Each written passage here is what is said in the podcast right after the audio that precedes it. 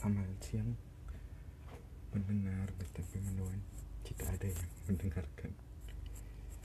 Hmm, tentulah ya itu sudah pasti ketahuan karena semalam baru debat capres yang pertama. Jadi ya saya pengen bahas hasil analisis saya.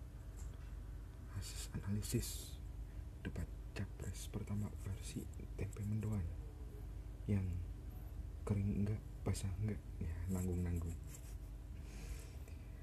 hmm, kemarin tema debat itu hukum ham terorisme dan korupsi.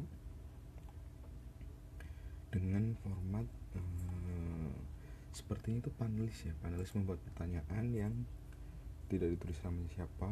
Kemudian pasangan calon ngambil undian. Kemudian nanti menjawab pertanyaan-pertanyaan yang kayaknya itu dari panelis. Jenis pertanyaannya. Uh, ada pertanyaan panelis yang uh, memang menanyakan soal konsep para calon sebagai presiden nantinya. Tapi saya melihat ada juga pertanyaan yang meminta contoh real uh, yang sudah terjadi atau yang sedang hangat dibicarakan di uh, di Indonesia. Contohnya itu apa pertanyaan apa kemarin yang minta tolong ditunjukkan dalam contoh yang spesifik dan real yang terjadi di masyarakat. Kemudian saya meminta dia untuk contoh real. dan seperti saya udah bilang di episode sebelumnya episode berapa ya? Episode 2 atau 3 gitu. Dari pasan 01 Pak Jokowi itu uh gila itu nyerang habis sih. Uh, dia sebenarnya kayak menemukan momentum yang tepat. Uh, oh ini nih saat saya untuk mem membalas eh menjawab menjawab ya halus menjawab semua tuduhan-tuduhan yang ke me, ya, dituduhkan ke Pak Jokowi ya. terutama juga Pak Prabowo beberapa kali menyentil mencoba menyentil dan itu counternya dari Pak Jokowi wih sadis sih ada yang soal kepala desa soal nelayan hmm, menteri yang juga pejabat parpol diserang dan lagi. Lupa saya. Dan Pak Jokowi juga menjawabnya dengan cukup sadis. Yang kasus hoax uh, kasus hoax pemukulan uh, trauma eh beban masa lalu. Beban masa lalu itu cukup bikin canggung ya karena mungkin Pak Prabowo kaget juga bakal diserang walaupun itu uh, cuma kode-kode. Dan uh, jumlah perempuan pejabat parpol perempuan di parpolnya Pak Prabowo. Terus caleg yang mantan napi koruptor.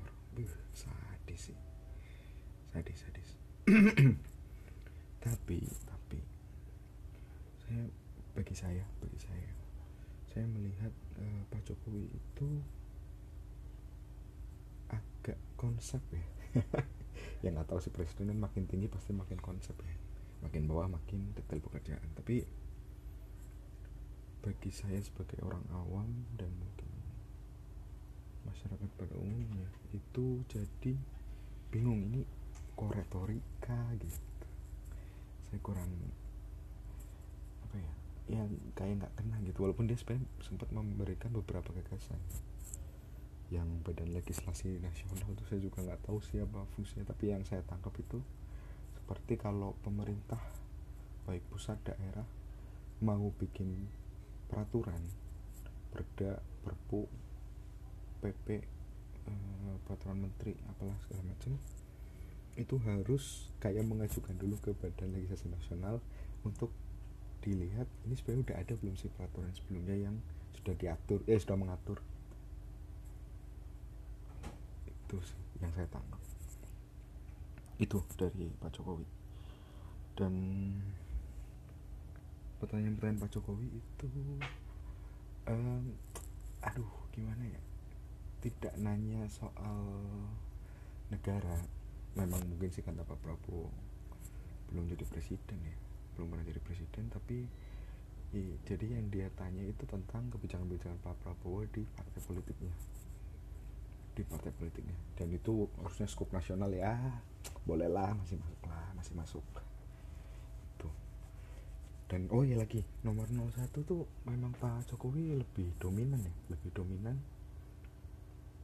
Ya memang sih Pak Maruf Amin tuh namanya juga wapres ya calon wakil presiden. Dan sangat terlihat bahwa memang Pak Maruf tuh diberi por porsi uh, aduh.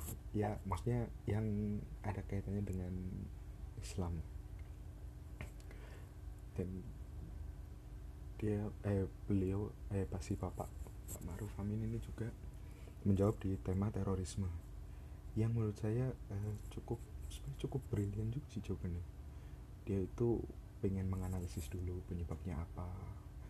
Nanti dibagi-bagi permasalahannya kemudian dicarikan solusi satu-satu sesuai dengan permasalahan dan dia menganggap bahwa orang yang terkena paham terorisme itu macam-macam faktornya. Cukup bagus. Lanjut ke nomor 02 uh, sesuai yang saya analisis juga sebelumnya kesok-sokan banget ya. Bahwa pasti Sandiaga juga mencoba untuk mengambil peran lebih ya.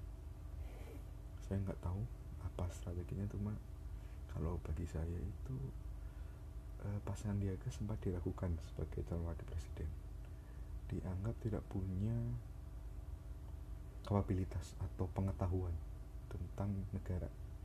Ya skop daerah aja gitu. Dan dia ingin menunjukkan bahwa dia sebenarnya pantas gitu jadi wakil presiden. Sehingga entah Pak Prabowo yang memang sengaja memberikan atau Pak Sandiaga yang ingin masuk dia itu selalu hampir selalu menjawab setiap pertanyaan yang diberikan maupun tanggapannya di detik-detik terakhir ya sebenarnya pesannya dapat juga gitu. Itu. Untuk Pak Prabowo sendiri dalam menjawab pertanyaan dia eh dan Pak Sandiaga ya karena Pak Sandiaga banyak menjawab uh, dia eh oh dia astagfirullah si bapak-bapak ini mencoba sangat spesifik dalam menjawab. Maksudnya apa? Maksudnya Pak Prabowo dan Pak Sandi itu mencoba untuk menyentuh langsung ke akar atau ke masyarakat langsung gitu. Dari jawaban yang diberikan tentang ekonomi terus pemerataan pendapatan korupsi juga menaikkan gaji langsung disebut PNS kepala daerah. Itu kan artinya sangat spesifik ya. Lalu hmm, pertanyaan-pertanyaan dalam talan juga menyangkut yang Pak Kades itu kan sangat spesifik Pak nelayan siapa? Sulhan. Eh siapa ya, ya adalah itu.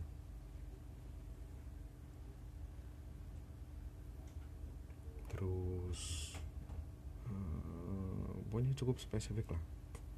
Spesifik. Itu pertanyaan dan apa? Dan tuh jadi blank nih gara-gara yang lewat.